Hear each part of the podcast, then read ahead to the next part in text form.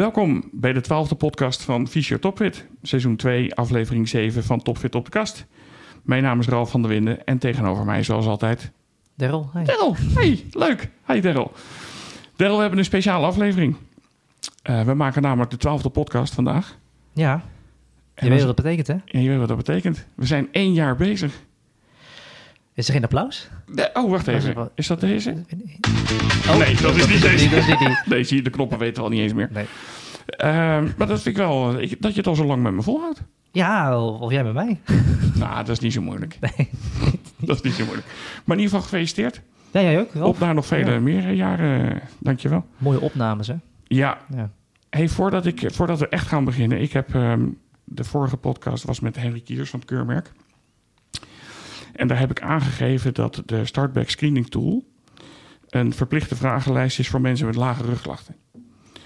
Maar daar hoort ook A-specifieke rugklachten bij. Zeg ik het zo goed, Del? Ja, acute. Je had acuut acute volgens- zelfs. Ja, acute rugklachten. En ik heb dat verkeerd ingeschat. Ik heb die informatie verkeerd tot me genomen. Dus ik heb het daarin verkeerd gezegd. Mijn excuus voor dat misverstand. Maar dat is dan bij deze eh, is dat recht gezet. Ik hoop het wel, ja. Ja, Mag toch? ik daar nog Ja, op aanvullen? Jazeker Rob. En ik ben het goed dat je er even doorheen praat. Want dat is helemaal goed. Dan kan ik je gelijk namelijk voorstellen. Wij hebben de Hogeschool Leiden vandaag op bezoek. En Rob zit te popelen om wat te gaan vertellen. Dus dat is helemaal goed. Rob, ga je gang. Eh, ik ben Rob van Bemmel, eh, docent eh, fysiotherapie, fysiotherapeut van huis uit, ook bewegingswetenschapper. Ja. De rest is allemaal niet zo belangrijk. Maar wat Nee. ik even wil aanhaken op jouw verhaal over de lage rugpijn. Eh, tegenwoordig hebben we een nieuwe richtlijn. Ja, En eh, we spreken niet meer over chronische of a-specifieke lage rugpijn, maar het is gewoon lage rugpijn. Oké. En als mensen langer last hebben van lage rugpijn, is het aanhoudende lage rugpijn, want het wordt chronisch en nocebo is. Ja. Ehm, dat, voor dat gezegd hebbende, een startback tool is een heel nuttig instrument en kan gebruikt worden. Ja, en dan moet ik even, zonder dat ik me daar weer in ga vergissen... hij is verplicht om te gebruiken voor ons toch, Daryl? Of... Over het keurmerk misschien wel, maar Ja. voor de richtlijn niet. Oké. Nee, precies. Nee, het is een advies. Oh, dat is wel interessant. En Ja. ondertussen hoorden wij ook aan mijn rechterkant... voor de kijkers links...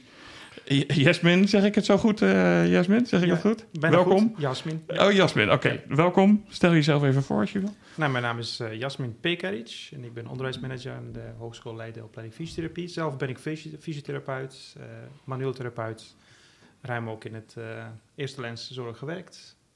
Eh, lange tijd ook bij Hogeschool Utrecht eh, gewerkt en eh, sinds nou, zo'n maandje, drieënhalf, ben ik bij Hogeschool Leiden aan de slag. Heb je een transfer gemaakt? Heb ik een transfer gemaakt. Ja. nou ja, van waar de transfer? Is het dichter bij huis of geen andere omgeving? Of...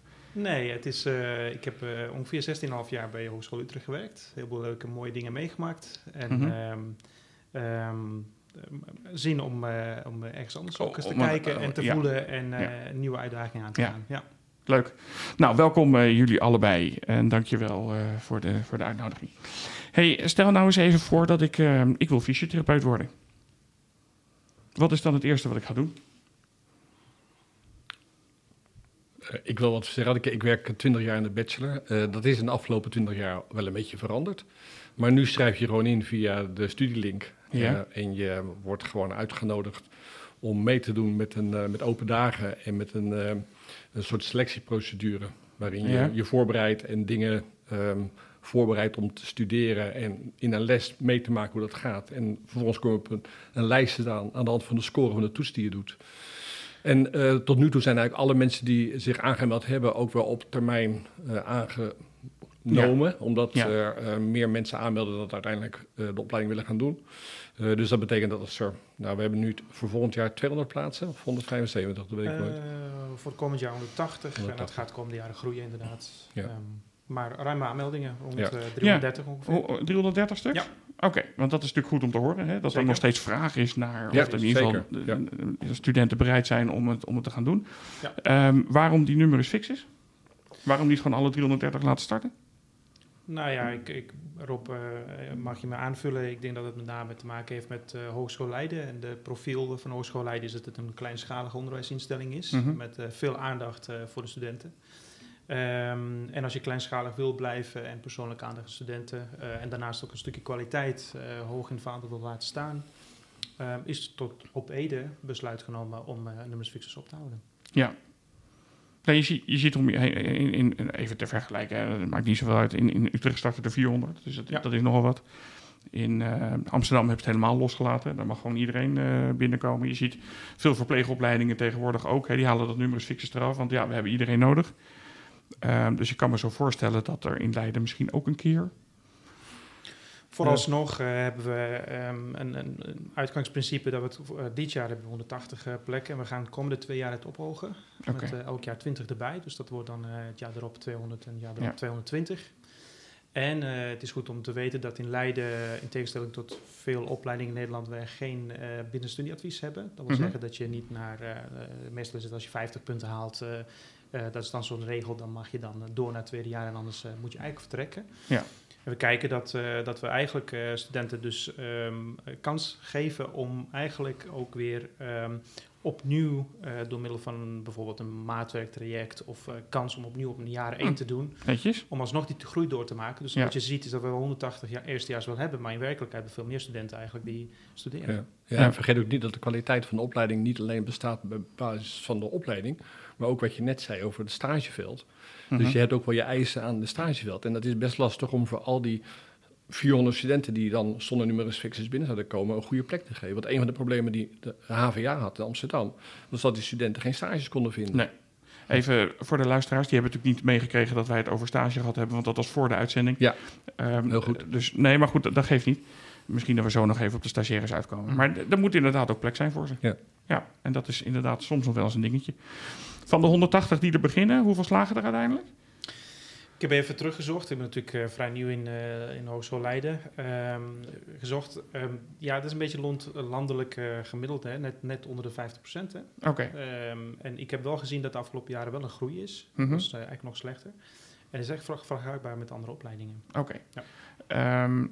En dan heb je het en dan hebben we over het over binnen vier vijf jaar. Nee, binnen vijf binnen jaar. vijf jaar. Oké, ik wil net Ja. zeggen, is dat dan binnen vier jaar of is dat... Nee, dat- binnen vijf jaar. Binnen En dan vijf heb je jaar. natuurlijk altijd een aantal studenten die dan natuurlijk ook wat langer studeren. Ja, en die uiteindelijk dan natuurlijk wel... eh, Uiteindelijk diploma halen. Hey, dan werken jullie denk ik volgens een bepaald eh, curriculum. Zou jij daar eens een, eh, iets over kunnen vertellen, Rob? Eh, hoe dat Ja, eruit ziet en, dat- en hoe dat programma werkt?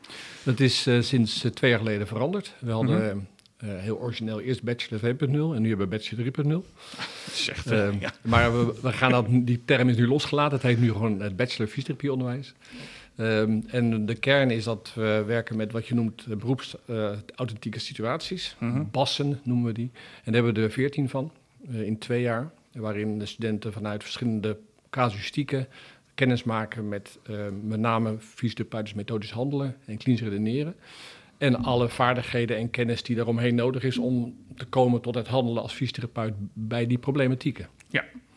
Dus het is heel erg casuïstiek gericht. Mhm. Ehm, dat betekent dat we al in het eerste jaar ook eh, starten met zowel veel vaardigheidslessen, waaronder anatomie, eh, vanzelfsprekend, maar ook veel simulatiepatiëntbijeenkomsten. doet Toon dat nog steeds, anatomie? Ja, dat doet Toon Nou, nog steeds. Die is niet weg te krijgen, hè? Maar Toon is gewoon heel honkvast en daar zijn we heel Ja, blij mee. ja, want dat is een hele goede docent. Ik zou hem eh, contract voor En het leven En geven. hij is eh, zeer geliefd bij studenten, omdat hij gewoon ja, dat klopt. voor de studenten door het vuur gaat. Dus nee, daar zijn we heel blij mee. Gewaardeerde collega. En er worden eigenlijk geen anatomen meer opgeleid. Dus in die zin, Nee. ik ben zelf nog wel bewegingswetenschapper, maar ben geen echte anatoom. En Nee. hij is zo precies en zo goed dat die studenten dat goed kunnen leren van hem. Ja. Als ik daar even op inhaak. ehm, we, we krijgen een aantal stagiaires eh, van jullie per jaar. Eh, mijn eigen dochter zit inmiddels in het vierde jaar. Die is nog van het oude curriculum. Maar de nieuwe curriculum merkt toch wel dat die anatomie, zeker de toetsing daarin, wat achterblijft. De toetsing is misschien minder scherp dan dat ze niet apart meer getoetst worden op anatomie. Maar ik denk dat eh, we zijn een nieuw curriculum gestart en ik denk dat het eh, ieder on- eh, eh, onderwijs ontwikkelt zich. En Ja. ik denk een van de dingen zou kunnen zijn dat je in je toetsing ook de ruimte geeft of de ruimte neemt als docent om wat meer specifiek door te vragen. Een voorbeeld. Studenten eh, doen hun vaardigheden in de vorm van aftekenen. Dus eh, Mhm. ze, hebben een, ze weten een lijst met vaardigheden die ze moeten weten. Het meten van de lengte van de ku- kuitspier of eh, de krachttest van de quadriceps of nou, verzin maar wat. Ehm, en ehm, binnen zo'n krachttest laat het niet alleen uitvoeren, maar je vraagt ook: oké, vertel eens, waar zit de spier? Eh, wat is de innervatie? Eh, wat is de, functie? Dus die ruimte is er en die moeten we denk ik als docent ook meer gaan nemen. Om, en dat is een kwestie van eventjes weer wennen aan die nieuwe rol. Want dat, dat is nu dan vooral door fysiotherapiedocenten die dat moeten gaan doen en Ja. minder anatomiedocenten. Ja, en wat ook denk ik misschien toegevoegd eh, kan worden, is van dat anatomie meer in de functionele zin een accent heeft gekregen. In Mhm. de functionele anatomie. En ook hoe leren studenten eigenlijk het, ehm, zeg maar, dat, dat je niet iedere spiertje hoeft te leren kennen, maar dat je het kan beredeneren. Ja. Dus de achterkant, zeg maar, van als je het heel goed weet te beredeneren, dan lijkt het natuurlijk allemaal wel op elkaar. Dus dat is een andere manier van hoe je de studenten eigenlijk zou willen voorbereiden. Ja, ja een voorbeeld. Ehm, er is een, eh, een eh, beroepsanalytieke situatie 7. Dat gaat over perifere zenuwletsels. Ehm, daarin moeten studenten echt gaan studeren over hoe lopen die zenuwen in de arm en been... om te weten wanneer er een uitval is en wat is dan het gevolg van het uitval. Ja. Dus ze moeten echt wel op zoek gaan naar hoe die plexus in elkaar zit, in de nek en ook in de rug... om te begrijpen hoe dat werkt. We- Het kan beter, in de zin dat je nog meer kan aanhaken op wat ze al eerder hebben geleerd. Want in de bas daarvoor leren ze alles over radiculaire klachten van de rug. Die link leggen ze ons niet zelf. Die moet jij aan ze uitleggen van als je een radiculair syndroom hebt, dat zou wel een soort perifeer zenuwletsel kunnen zijn, bij wijze van spreken. Dus Ja. dat, dat klinisch redeneren, je moet die studenten op het spoor zetten, maar je moet ze wel ook de, de tools geven om te weten op- maar waarmee ze kunnen spelen. En iedereen wordt afgetekend op iedere bas. Dus je hebt 14 bassen, zei je net. Ja. Iedereen Ja. wordt afgetekend op 14 bassen. Ja, ze moeten ehm, ehm, twee keer een, in ieder geval een, eh, een vaardigheid laten aftekenen per bas. Dus dat is eh, twee keer 40, 38 keer. Laat je ze gewoon een, Ja. een klein toetsje doen. Ja. En hoe representatief dat is, dat is lastig, want je toetst ook hoe ze een simulatiepatiënt eh, behandelen of, of onderzoeken. Precies. En dat, ehm, het is een, eh, een spannende nieuwe vorm die ehm, eh, we over een paar jaar moeten evalueren. Of dit de manier Ja, is dat wilde ik net is. vragen. Wanneer komt daar de... Nou ja, daar zijn we nu al mee begonnen. Oh, daar ben je al mee begonnen. Ja. Hey, Daryl, jij bent, ik noem het even van de oude stempel, want dat is natuurlijk, niet, dat is natuurlijk helemaal waar. Je bent hartstikke jong en fris en eh, daar gaat het niet om. Maar jij bent niet van de bassen, Nee, nog. Nee, jij bent nee. echt van het boek open, eh, rode lijntjes op je lichaam tekenen, blauwe lijntjes Oh, je bij ons ook. Nee, Dat is dat nog ook. Oh, dat, dat blijft, eh, dat blijft blijft. hetzelfde? Ja, Ja. Echt, echt anatomie, tentamens. Ja, wij hadden het, ja, het, het- waren losse onderdelen, hè. anatomie-lessen inderdaad, hè. dat weet je ook denk ik wel. Hè. Zeker. En eh, het is tekenen en eh, ja, je krijgt dan een, een, een hoedje en dan zitten allemaal eh, losse kaartjes in. Dan moet je gewoon grabbelen en dan moet je dat allemaal gaan tekenen. Ja. Dat was dan je toets. En, ehm, maar je mist dan wel uiteindelijk wel van wat kan je ermee? Je weet Je wat mist het de is. functionaliteit. Je- Nou, je mist die klinische redenatie van oké, je weet dat het, dat het er zit, maar wat kan je ermee uiteindelijk? Ehm, en toen hadden we stationstoetsen inderdaad. Hè? Dus dan, eh, die hadden we ook eh, een paar keer eh, in de bacheloropleiding. ja, en dat, dan krijg je casuïstiek en dan moet je nadenken wat het is. Maar je, je, ja, je merkt wel dat je hebt die basis wel nodig ergens om te kunnen redeneren. Maar ik denk inderdaad, de vorm wat nu wordt aangeboden, ja, ben ik heel benieuwd hoe over het een aantal jaren is als je het weer gaat evalueren. Hoe hebben de studenten het zelf ervaren? En ja, hoe maken ze het kwalitatief beter? Hè? Ehm, dat is natuurlijk wel gewoon nog steeds de vraag. Dus ik Ja. ben heel benieuwd. Ik vind Ja. het wel een hele leuke vorm ook. Ja. Ja, en ik denk dat belangrijke evaluatie is wat eh, de stagefield gaat ervaren. Ja. Eh, dat wat ze Ja. nu al aan ons aan teruggeven is, eh, vind ik, eh, best wel bemoedigend. Positief in ieder geval. Positief, ja. ja. Ja. Ja. Ja, dat wilde ik net zeggen. Je kunt ook intern evalueren, maar het gaat Ja. er uiteindelijk om wat gebeurt Het in het er werkveld. gebeurt, precies. En ehm, dus in overleg met, met stagebegeleiders, eh, werkgevers, eh, dat soort dingen, om eh, te achterhalen hoe dat, hoe dat zo functioneert. Zeker.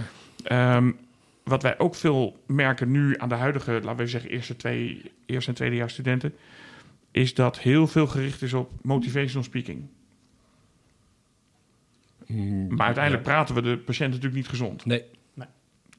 Dus wat, wat, wat gebeurt er in de opleiding met motivational speaking? Nou en ja. hoe sta jij daar zelf in, Rob? Je ziet in de eh, ontwikkeling in de gezondheidszorg en in de fysiotherapie, met name in de musculoskeletale fysiotherapie, dat als je naar eh, algemene klachten kijkt die niet heel erg stoornisgericht zijn, maar waarbij we, zijn- waarbij we zien dat het vooral te maken heeft met minder bewegen of functioneren, dat er een aantal interventies effectief lijken.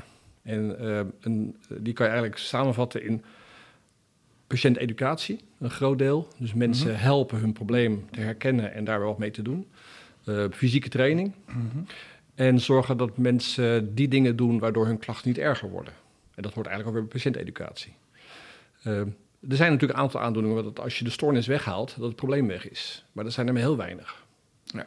Dus het is vooral van hoe gaat iemand in zijn participatie en hoe in zijn functioneren om met het probleem wat hij of zij heeft. En dan gaat het niet alleen om artrose of over eh, obesitas of over suikerziekte, maar dan gaat het ook over mensen met schouderklachten. Vroeger Ja. waren we heel erg gericht op allerlei testen, maar we weten eigenlijk nu dat een activiteitsgerichte aanpak effectiever is dan alleen maar stoornissen aanpakken. Dus alleen maar aan zijn elastiek gaan zitten trekken en rotaties oefenen, is het niet. Je zit te lachen, Daryl. Nee, ik ben het mee eens. Ja. eh, ja. Dus ik denk Ja. dat, dat die ontwikkeling hebben wij gezien in de hogeschool. En we zijn de, dat betekent dus dat communicatie een heel belangrijk onderdeel is. Maar het probleem is, je hebt maar vier jaar. Dus je- Ja. als er iets inkomt, valt er ergens anders iets van de tafel. Ja. En dat kan soms voor het gevoel van eh, de old school fysiotherapeut zijn... dat er onvoldoende hands-on vaardigheden zijn. Mhm. Ik maak me daar niet zo druk om, want dat leren ze ook wel weer als ze in de praktijk zijn. Dat leren ze ook niet af. Want er zijn altijd weer collega's die zo eigenwijs zijn... dat ze zeggen, wat dan moet je leren. Dus dan gaan ze dat vanzelf wel leren. Mhm. Maar ze moeten in ieder geval die vaardigheden hebben om te kunnen communiceren met die patiënt. En, en dat is in het verleden nog wel eens een probleem geweest. Ja. To- toch vind ik het wel lastig, want er komen natuurlijk havisten, die komen meteen door naar de, de, de fysiotherapie. Hè? Dat zijn eh, meiden, jongens van, wat- hoe oud zijn ze dan? Eh, 18, 17? 17. Ja, Ja, 17, ja. Die komen eigenlijk ja, echt net om de hoek kijken. Die hebben net een, eh, een, een, dat? een, eh, een, een brugklas rugzak afgedaan. Ja, En dan vragen we best wel veel met motivational interviewing. Dat vergt best wel wat vaardigheid, best wel veel oefeningen. En ik merk dan bijvoorbeeld de stagiaires die ik dan begeleid heb, ja, dat ontbreekt nog wel. ja. Maar ik wil even wat aanvullen, want ik denk dat het niet alleen om motivational inter- interviewing gaat. Want ik- als we kijken, we hebben ons onderwijs, eh, baseren eh, communicatielessen op het eh, werk van eh, collega Kortleven. Die heeft een prachtig boek geschreven over de vier rollen die je als fysiotherapeut hebt. Je bent vertrouwenspersoon in eerste instantie. Mhm. Dus al je communicatie is gericht op vertrouwen. Mhm. Je bent een mededeelzame detective, dus je moet zorgen dat je datgene wat je vindt ook deelt met je ehm, eh, patiënt. Eh, je bent docent, je moet ook instrueren. Je moet zeggen van je moet die oefeningen zo doen en je moet eh 30 keer minuten zus en zus. En je bent ook nog eens een keer coach van als je mensen met een motivation interviewing moet bewegen tot ander gedrag. Dus ik denk, die studenten leren die rollen. Dus het is meer dan alleen maar dat motivation interviewing. Nee, dat was, meer een voorbeeld. Eh, Ik snap zeker dat de hele communicatie meer dan is dan alleen de MI's, zeg maar. Maar eh, wat ik bedoel te zeggen is dus meer van, eh, het vergt ook ervaring. Zeker. En, en, en Helemaal eens. eh, Ja. dat vergt echt wel ervaring. Ik denk dat zij dit pas goed kunnen als ze waarschijnlijk minstens vijf jaar in het werkveld zitten en afgestudeerd zijn. Dat ze dan pas denken van, ah, dit is wat we bedoelen met, Precies. ik roep maar wat, hè. Ja. Maar ehm, ja, ja het, is, het, het, het vergt wel heel veel eh, Ja. voor de Maar ik studenten. ben het helemaal eens. Maar eh, als we ze niet op de opleiding leren, leren ze het nooit. Nee, dat is zeker, zeker. Alleen dat is toch wel iets wat, we, eh, eh, wat ik dan van de stagiaire terug hoor. Sorry. Ja, maar dat komt helemaal goed op. Dat geeft helemaal niks. tweede ronde. Ja. Ehm, die krijg ik dan van de stagiaire ook terug. Die zegt van ja, ik moet dat zoveel, maar hoe moet ik dat doen dan? En, en, en eh, eh, wat is dan goed en wat is dan niet goed? En ik zei ook van ja, ehm, je hoeft niet allemaal in één keer goed te kunnen, maar probeer een klein stukje ervan en, en ervaar het gewoon. En, Ja. en eh, eh, dat merk ik wel, dat het wel best wel druk geeft aan de, Ja. aan de studenten. Maar ik weet niet hoe jullie dat ervaren. Nee, dit- Nou ja, het, kijk, Kijk, het is ook belangrijk dat je, denk ik, een realistisch beeld hebt van het beroep. Hè? Eh, ook vanaf het begin wat mij betreft. Hmm. Hè, de studenten die komen met bepaalde verwachtingen. Hè? De, heel veel studenten zijn gemotiveerd om fysiotherapie te doen op vanwege, nou, ja, ze zijn hebben ooit iets met sport gedaan vaak. Of willen ben- mensen beter maken. Ja. Hè? Dus dat Of is ze hebben dat, zelf eh, iets gehad en Ja. een goede ervaring met de Bijvoorbeeld. fysio. En dat wil ik dan ook wel gaan doen. En ik denk, dat, ik denk ook voor het slagen en voor het vorming van het therapeut zijn, hè, professionele vorming is belangrijk dat je in het begin gewoon een realistisch beeld hebt en dat dit gewoon een belangrijk onderdeel is van je vak. En natuurlijk ben ik met je eens. Ik, heb, eh, ik ben ook pas fysiotherapeut geworden nadat ik vijf jaar eh, na mijn diploma eh, heb gewerkt.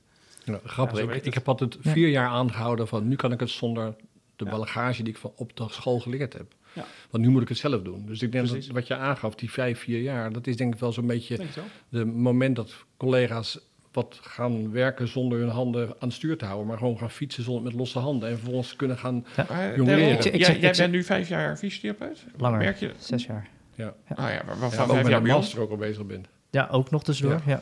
Waarvan vijf jaar bij ons? Ja. Kan jij al zonder handen je- fietsen? Ja, ik wou het zeggen. Ja, dat is een goede vraag op. Kan jij zonder handen fietsen? Nou goed, ik, Heb je een moet- omslagpunt gemerkt ergens? Ja, zeker. Zeker weten. Ik bedoel, ik, ik merk wel dat ik, ehm, ehm, eh, zeg maar, zonder, zonder handen inderdaad, ehm, eh, noem je dat, Eh, zonder zijwieltjes kan fietsen nu.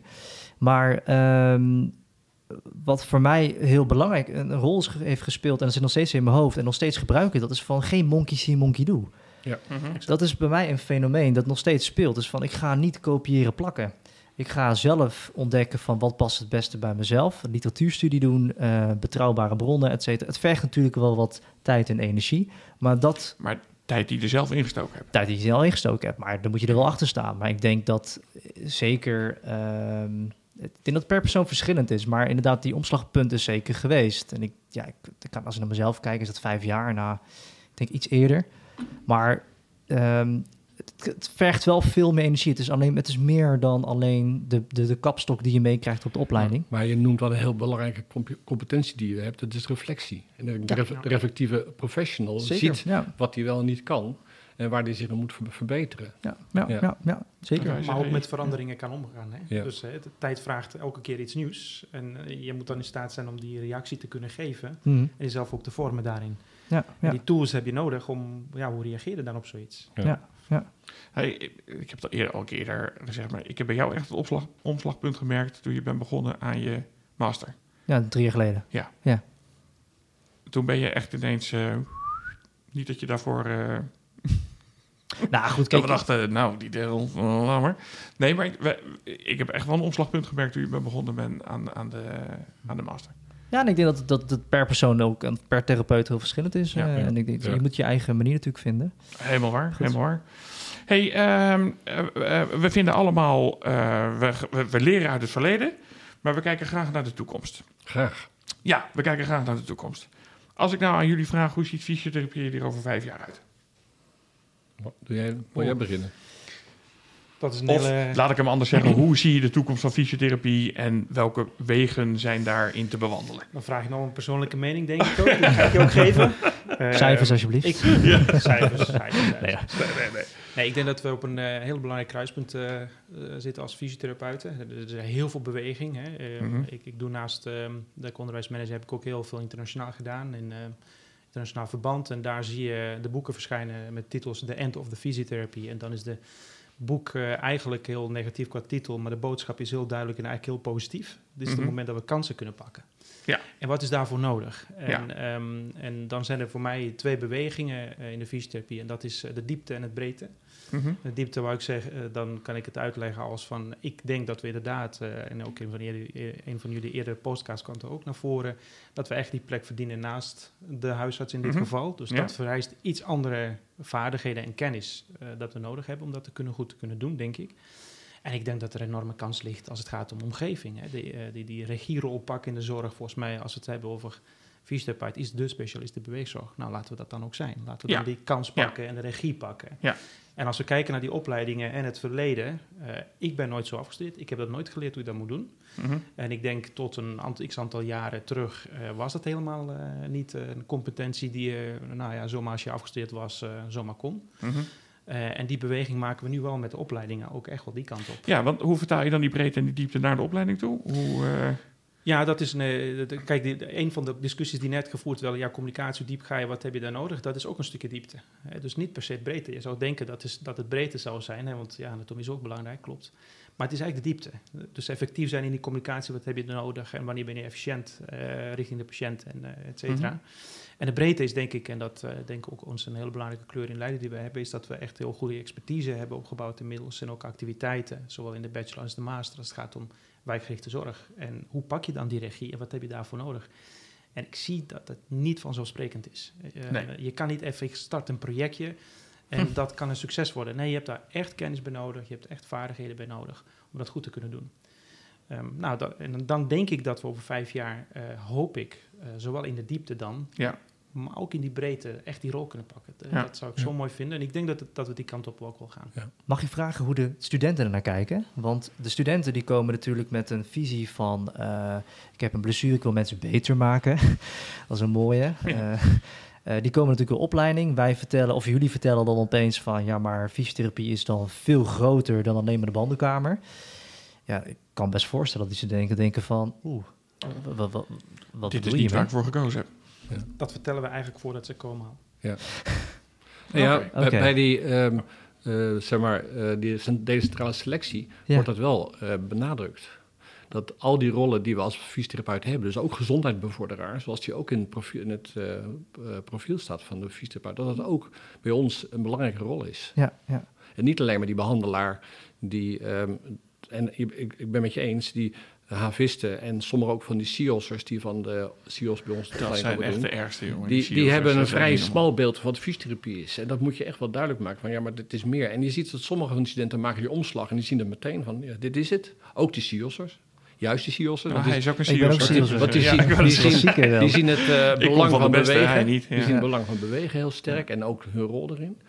Ehm, maar een aantal die vinden dat toch nog wel lastig. En Een voorbeeld, een student die nu pas begonnen is, die afhaakt en zegt ik ga osteopathie doen. Ja, die heeft dus een heel ander beeld gehad van fysiotherapie. Maar dan moet je ook geen fysiotherapeut worden. Nee, maar dat, dat die ertussen zitten, dat, Ja. dat geeft toch ook niet? Nee. Dat heb je toch bij Nee, iedere beroepsgroep? Ja, nee, ja. En de uitval van ehm, het nieuwe curriculum is minder dan daarvoor. Dus in die zin hebben we nu misschien een breder beeld geschetst, of dieper Absoluut. beeld geschetst, wat ehm Jasmin net noemt.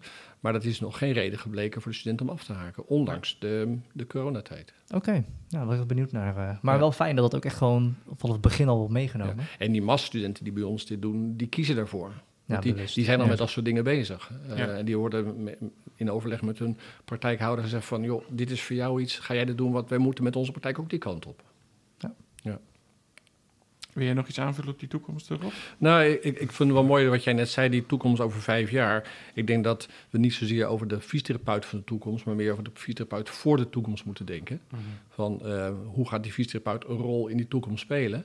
Eh, en daar speelt ook de praktijk voor de toekomst een rol in. Ehm, en daar zijn ook allerlei organisaties al mee bezig. En dat, is, dat hebben we ook als op, op ons netvlies. En wij denken dat die fysiotherapeut die dat gaat doen, die is een belangrijk, belangrijke hulpverlener, dat ook. Maar hij is ook verbinder en hij is innovator.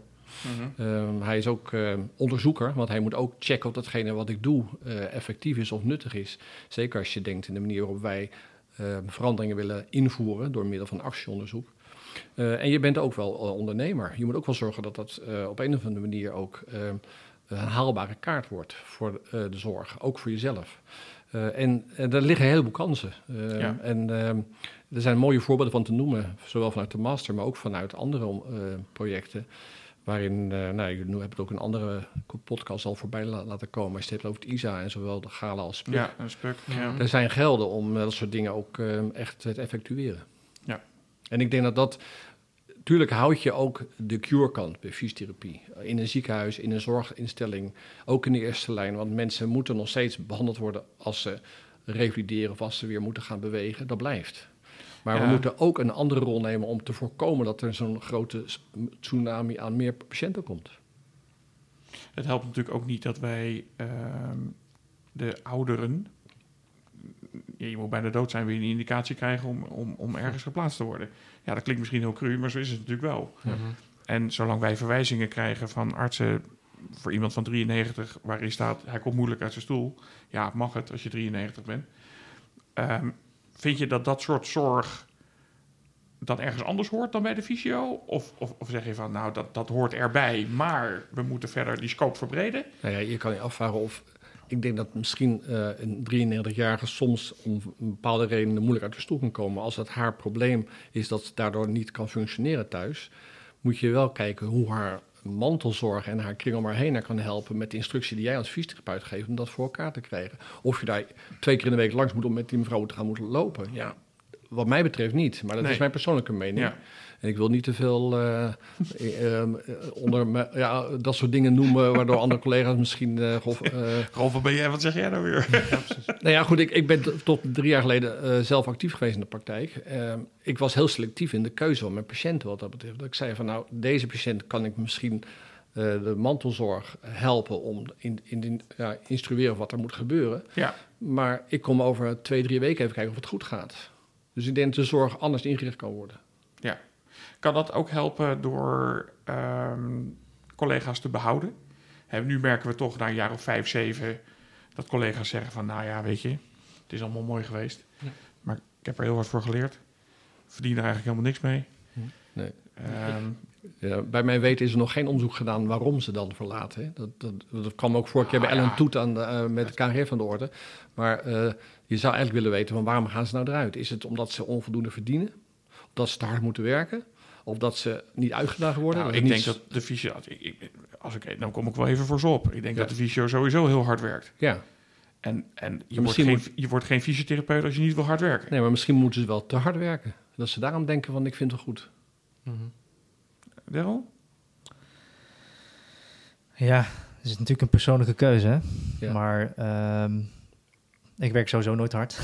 Dat hoef je mij niet te vertellen, maar... Nee, ik, eh, ehm, nou goed, kijk, als ik om mensen om me heen kijk, want ik ken een aantal eh oud-collega's die ook gewoon gestopt zijn binnen drie jaar zelfs, eh, Ja. nadat ze afgestudeerd zijn, die zeiden van, joh, ik ben er klaar mee. En dat is echt de hoofdredenen, maar dat, is, dat spreek ik alleen maar een kleine, kleine Ja. populatie. Ja. Dat is inderdaad salaris, ehm, te veel administratie. Eh, en ze vinden het eigenlijk gewoon helemaal niet leuk. Uiteindelijk doen ze de fysiotherapie omdat ze een diplomaatje willen. En uiteindelijk toch denken van, ja, dan heb ik het. Ja. Het, ja, tuurlijk, het is niet helemaal wat je wil binnen de fysiotherapiewereld. Ehm, maar dat zijn wel de hoofdredenen die ik gehoord heb. Ja. Is er dan iets aan de voorkant ver- verkeerd gegaan de zin dat de verwachtingen verkeerd waren? Eh, dat durf ik niet te zeggen. Nee. Maar nou, ik heb gevoelsmatig bij hun wel heel erg gehad van... ja, ik vind het eigenlijk helemaal niet leuk, maar ik maak het even af. En dan heb ik een papiertje en dan eh, Ja. ben ik van mijn studieschuld in principe af. Ja. Ehm, maar dat, ik denk dat heel veel studenten dat hebben. En dat niet durven te zeggen. Eh, maar goed, dat, als je kijkt naar ons mooie vak... ja, dat is niet echt wat we willen. Eh, daarom ben ik wel blij dat het vanaf het begin wel goed vertelt... van wat zijn de verwachtingen. Maar het is wel interessant om inderdaad verder onderzoek te doen... van wat is nou de reden waarom Ja. ze allemaal voor de uitstroom kiezen. Het is zorgelijk. moet ik zeggen. Het is heel zorgelijk, ja, Ja. zeker. Ja. Ja. Ja, die eerste twee punten die je noemt, hè, dus salaris en administratieve druk. Ja, dat, dat, ik denk dat je, zonder dat ik een wetenschapper ben of dat heb onderzocht, maar ik ga er natuurlijk wel vanuit gaan dat 9 van de 10 dat als antwoord gaat geven. Tuurlijk, de, ons tarief is gewoon veel te eh, laag. ja, dat is het al sinds ik werk. Ja. Ja. We hebben één keer een, een, een opleving gehad in tarief, dat was 2007. Ja, Dan is het tarief eh, substantieel gestegen. Ja. En daarna is het eh, ja, zorgelijk laag gebleven. Ik ben Ja. jarenlang maatschaplid geweest. Dus ik heb ook mijn collega's, medebaten en ook mijn eh, eh, medewerkers dingen moeten laten doen voor te weinig geld. Je ziet er ook nog steeds slechter uit. op. Nee, nee. Gelukkig. En ik, ik, bij mij is het glas altijd half vol. Mag, mag ik vragen of dit ook Ja. in de opleiding wordt teruggekoppeld? Maar eh, mondjesmaat. Ja, Maar het wordt wel gedaan. Deze realiteit. ja. Ja, wordt wel Ze gedaan. merken het ook mee in de stage, neem ik aan. Zo ja, ook. dat denk ik wel. Daar komt het Ja. zeker te sprake. Maar ik wil jou een vraag stellen. Mag dat? Ja, tuurlijk. Wat maakt jouw werk leuk? Alles. En wat is dat alles? Nou, wat mij werk leuk, maar is dat... ehm, De podcast. Precies. Onder andere, onder andere. Ehm, ja, dat is mijn leergierigheid. Het is echt, dat, ik, ik wil gewoon veel leren, ik wil gewoon meer kennen. Ik wil gewoon de mens beter leren kennen. Niet alleen naar de, naar de klachten, hoe je dat in het begin mooi zijn in de stoornis. Mhm. Maar je kijkt naar activiteiten. Maar ja, goed, vanuit mijn vakgebied kijk ik naar de totale mens. Ehm, en dat is gewoon zo interessant. Iedereen heeft zijn eigen verhaal. En je kan op zoveel manieren iemand sturen. En dat leer je alleen maar door middel van doen en, en naar mensen te luisteren. En dat vind ik mijn werk erg leuk, waar, waardoor ik elke keer met plezier naar mijn werk ga. Is dat je ziet één patiënt misschien één keer per week voor zes, zeven weken. Maar elke keer als ze binnenkomen, vertellen ze een ander verhaal. Het is dezelfde persoon, maar ze vertellen steeds wat anders. En dan is het een prachtig om daarmee op in te gaan. Ja. Ja, dat vind ik geweldig aan mijn vak. Ja, mooi dat je dat zo zegt. want Dat is inderdaad waar ik ook op aansla als ik met patiënten eh, bezig ben. Precies. Ja. Ja. Ja. Doe, je, doe je alleen maar patiëntenzorg in de zin van eh, één op één? Of doe je andere dingen nog? Op dit moment één op één. Oké. Maar er zijn nog plannen, denk ik, eh, om het eh, alles te gaan aanpakken en wat meer te gaan verbreden buiten de Zeker. wandelkamer. Ja, een beetje de, de, de kant op wil ik wel gaan. Ik sprak eh laatst een student op de, op de gang, derde jaar, vierde jaar is bijna afgestudeerd. En die zegt, nou, ik heb stage gelopen. Nou, ik zie maar echt niet die vijf dagen in de week eh met één op één in de behandelkamer. Dus je ziet ook dat de studentenpopulatie, de behoeften die ze hebben, eh uitdagingen die soms eh, ze nodig hebben, ja, want jij bent de master gaan doen. Ehm, ze zien nu die werk niet meer, allereerst en niet fulltime. Dus dat, Nee. eh, en het tweede is inderdaad even iets anders ook willen en kunnen. Mhm. Dus die uitdaging. Dus ik denk, en speculatief, dus zeker. Ja, maar goed om het lage over te tarieven, Zeker Ja. administratie. Maar ik denk door die uitdaging in je vak ook te vinden, andere dingen te pakken. En ik, over die rol waar ik net over had, van in staat zijn om ook andere rollen te pakken, echt die positie in te nemen. Ja. Ik denk dat het ook ons vak ook, wel, ook op die manier wel een stuk leuker kan maken voor Zeker. misschien heel veel Zeker. mensen. Ja. En misschien is dat de reden waarom mensen dan ook eh, zullen blijven doen. Ja, maar je moet ook gewoon kijken, is van, je doet natuurlijk een opleiding, je hebt gekozen voor een bepaalde richting, eh, wat heel dicht bij je ligt. Anders moet je het gewoon niet doen. Niet iedereen die fysiotherapeut is, ehm, eh, is ook fysiotherapeut. Snap je wat je bedoelt? Ja. Ja. Maar het maakt het ingewikkeld, hè, want Ja. eh, de fysiotherapie is aan het veranderen. Zeker. Dus voor die studenten is het natuurlijk heel lastig. Ja. Eh, want zij komen ook in de wereld waar we eigenlijk meer in die verandering zitten. Ja. Dus wat is dan fysiotherapie? Ze lopen altijd Zeker. achter de muziek Ja. aan wat dat betreft. Ja. Nou ja, dat hangt ook een beetje af van de, de plooibaarheid en weerbaarheid en wendbaarheid van die student. Ja. Want er zijn nu ook wel studenten die net klaar zijn, die toch ook denken van ik ga een andere soort master doen, eh, die wel aan fysiotherapie gerelateerd is, maar waarbij ze toch een bredere scope hebben. Dus je ziet een, een, een tendens van misschien veel meer specialisme naar een wat meer Ja. generalist. En, en, Mhm. ik denk dat dat ook een, een waardevolle aanvulling kan zijn van ons beroep voor de Ja, komende dat, jaren. dat wilde ik net zeggen. Gelukkig zijn er ook nog een heleboel eh, collega's die wel blijven. Zeker. En die dan Ja. ook nog eens een keer een master gaan doen. En Ja. dat, is En natuurlijk, gelukkig dat zijn natuurlijk helemaal de toppers. Ja. Eh, jij had het net over wijkgerichte samenwerking. Ja. eh, Dat vind jij echt een master die de scope zo kan verbreden voor de toekomst... dat je daar...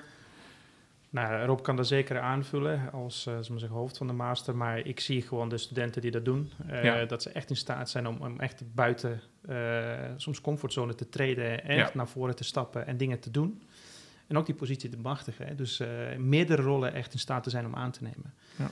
Ehm, en ik, ja, ik, ik heb heel veel van dat soort eh, mensen gezien. Eh, en als je ze spreekt over wat ze gedaan hebben, dan hebben ze zo'n big smile op hun Ja, je krijgt er energie van. Ja. krijg je energie van. Ja, ja. En, en niet dat zij dus het vak, eh, zeg maar één op één behandeling niet doen. Nee, ze doen dat nog steeds. Maar Ja. ze pakken ook die andere ro- rollen, waardoor het dynamiek die erop treedt, ehm, en dat geluksgevoel en dus ook energie Ja. wat het geeft. Ja. Ja, dat, dat vind ik echt geweldig. Ja, ter aanvulling, we hebben vorig jaar de eerste negen masters zijn afgestudeerd. Mhm.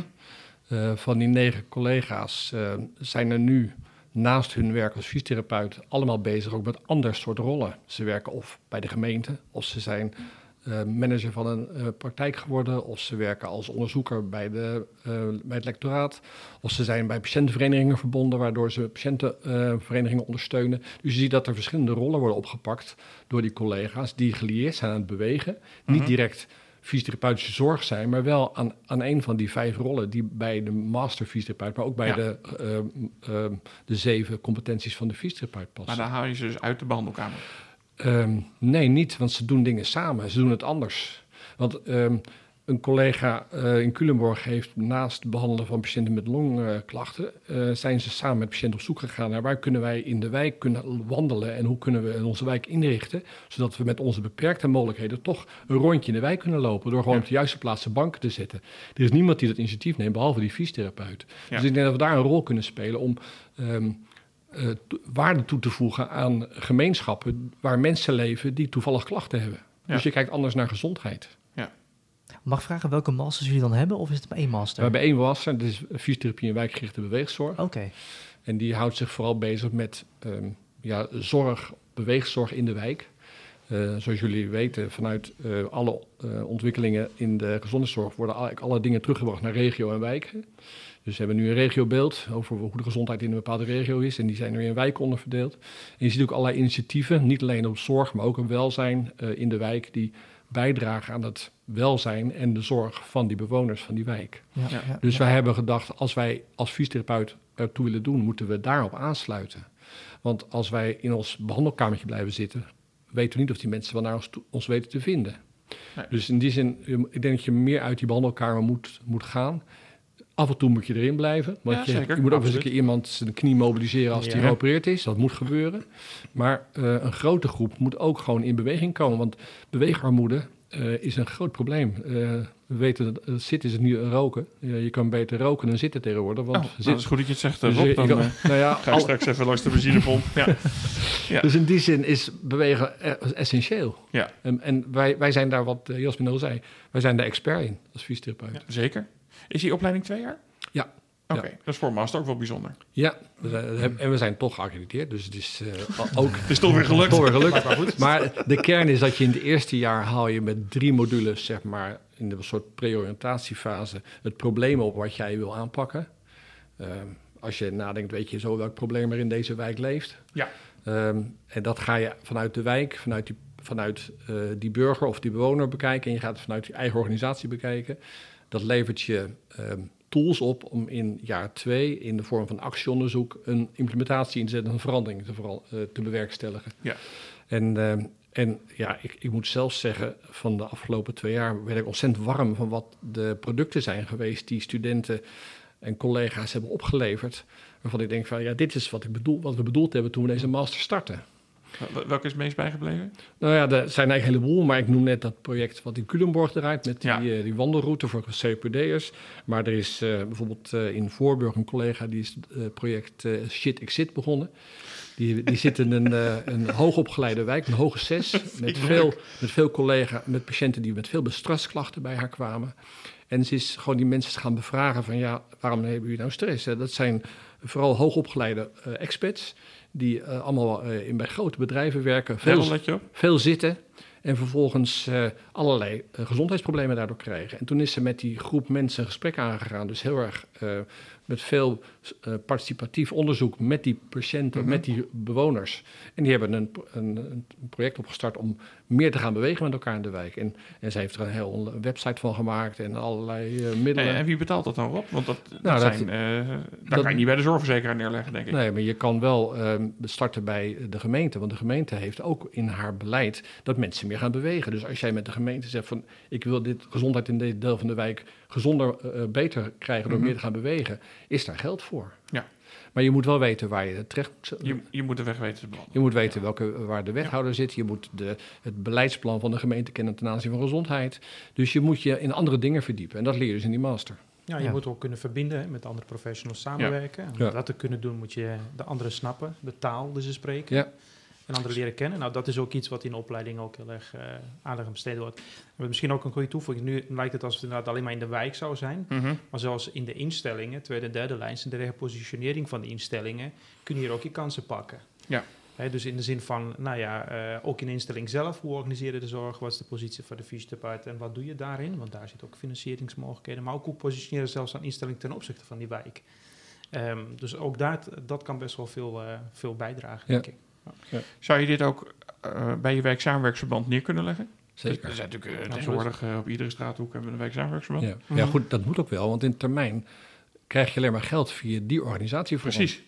Dus je, je moet met elkaar samenwerken om uh, het probleem in jouw regio uh, goed uh, helder te krijgen en Ja. wie wat gaat doen. Ja. Het hele mooie voorbeeld van valpreventie. Um, valpreventie is denk ik uh, zo'n jaar of twintig geleden is dat eigenlijk als probleem gesignaleerd voor het eerst. Ja. Toen kwamen er allerlei interventies. Het is nu 15 jaar later en nu worden die echt pas geïmplementeerd. Veranderingen gaan heel langzaam. Ja. En um, die moeten ook gefaciliteerd worden. En nu is eindelijk de, deze aanpak van de overheid, de, ook in de ISA, Ja, is er wat, meer, lijkt er wat ja. meer ruimte te zijn. klopt. Het was heel mooi wat Marcel Levy schreef. Die zei van, we hebben een hoop plannenmakerij, maar nu is het een fase van doen. We moeten nu Mm. dingen gaan uitvoeren. En dat, dat gaat nu dus eigenlijk wel gefaciliteerd worden. Ja, mijn wens is dat deze minister even blijft. Want als die minister weggaat, is er misschien weer ander beleid. En is het pad van 2030 is alweer heel ver weg, Ja. weet je. Dus Ja. ehm, Mhm. ik denk dat er nu dingen echt gaan gebeuren. Leuk. Mooi. Ehm, eh, we zijn inmiddels al drie kwartier bezig, jongens. De tijd vliegt als je het naar je zin Ja. hebt. Ik wil toch heel langzaam wil ik naar een eh, afrondende fase. Ehm, als we nou even naar het eh, verleden kijken. Waar is de Hogeschool Leiden dan het meest trots op? En dan moet ik hem eigenlijk misschien nog opvragen, want jij bent, jij bent er pas een paar maanden. Dus ik weet niet of jij het antwoord kan geven. Maar Rob, als je nou even afgelopen vijf jaar... Waar vind je, nou, dat we dat bereikt hebben, of dat we dat gedaan hebben, of... Dan ga ik even scheiden voor zowel bachelor als master. Ja. Ik denk dat, we, dat ik, als ik naar de bachelor kijk, ben ik uh, trots dat we in een tijd van uh, COVID, uh, waarin studenten afhaakten en collega's ook wel afhaakten, ja.